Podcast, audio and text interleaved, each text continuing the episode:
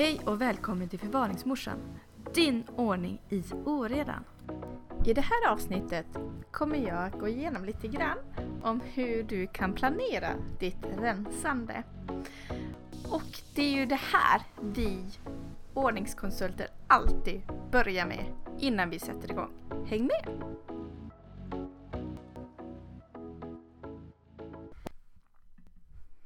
Så, nu sätter vi igång. Okej, okay.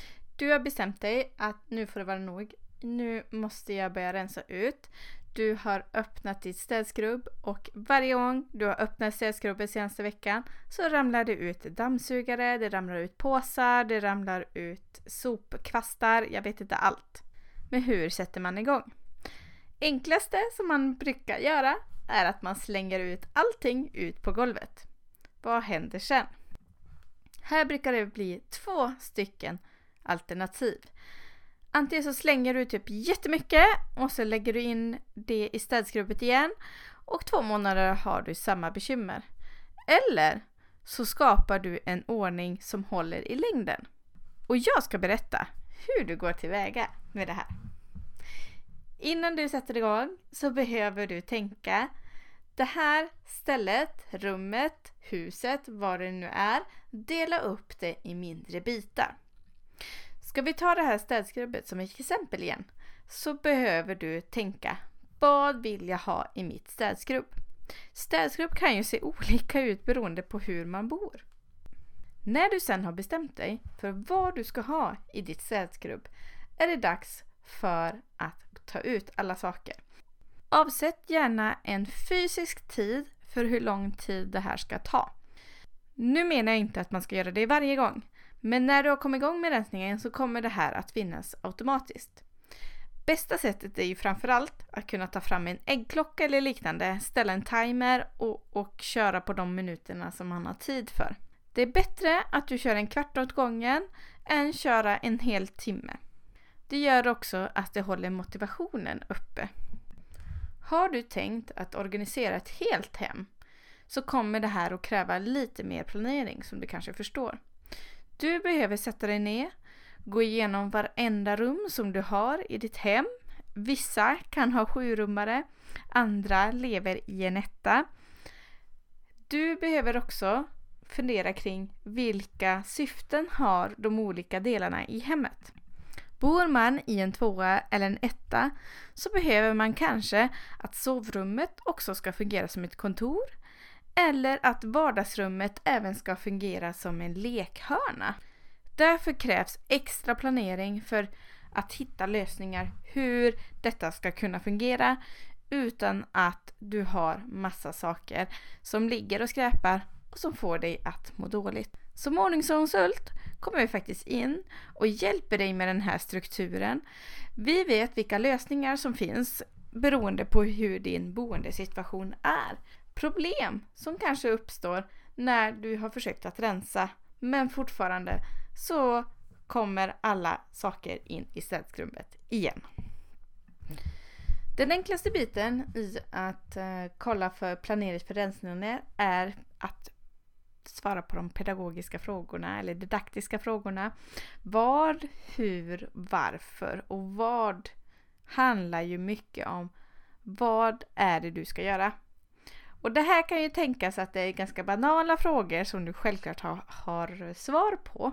Men du behöver också sätta dig ner, skriva ner detta så att du också kan göra upp en plan så småningom.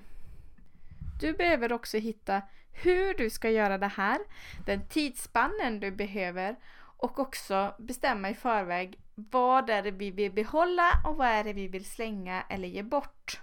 Och även ha en plan för det innan du sätter igång. Har du en familj så underlättar det om hela familjen på något sätt hjälps åt att få det här att fungera.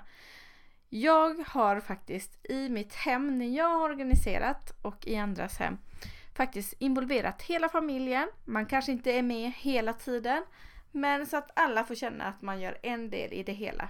Och det här gör ju också då att familjen också får koll på hur saker och ting ska fungera och organiseras i hemmet. I det här kommer det också innefatta att skapa kanske nya rutiner för att få den här organiseringen att hålla.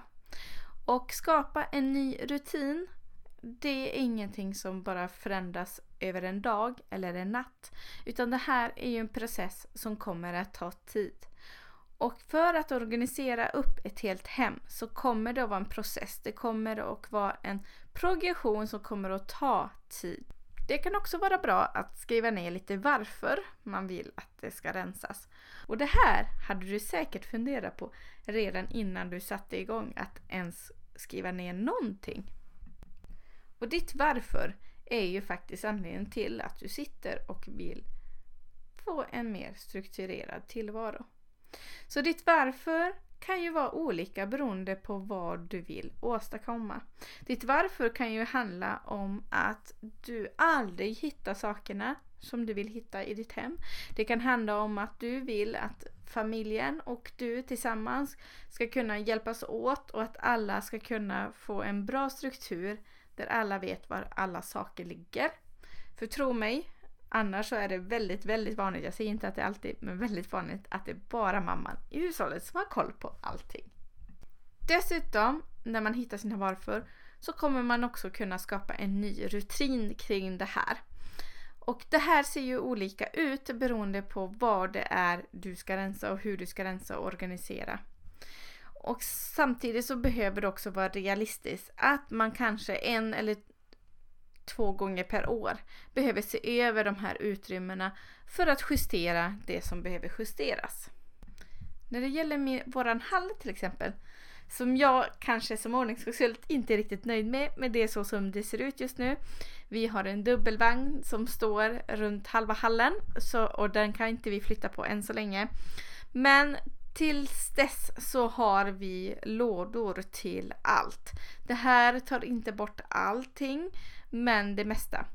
I hallen har vi alltså en liten byrå med fyra lådor, en låda till varje familjemedlem där man lägger sina vantor och mössar när man stiger in i hallen.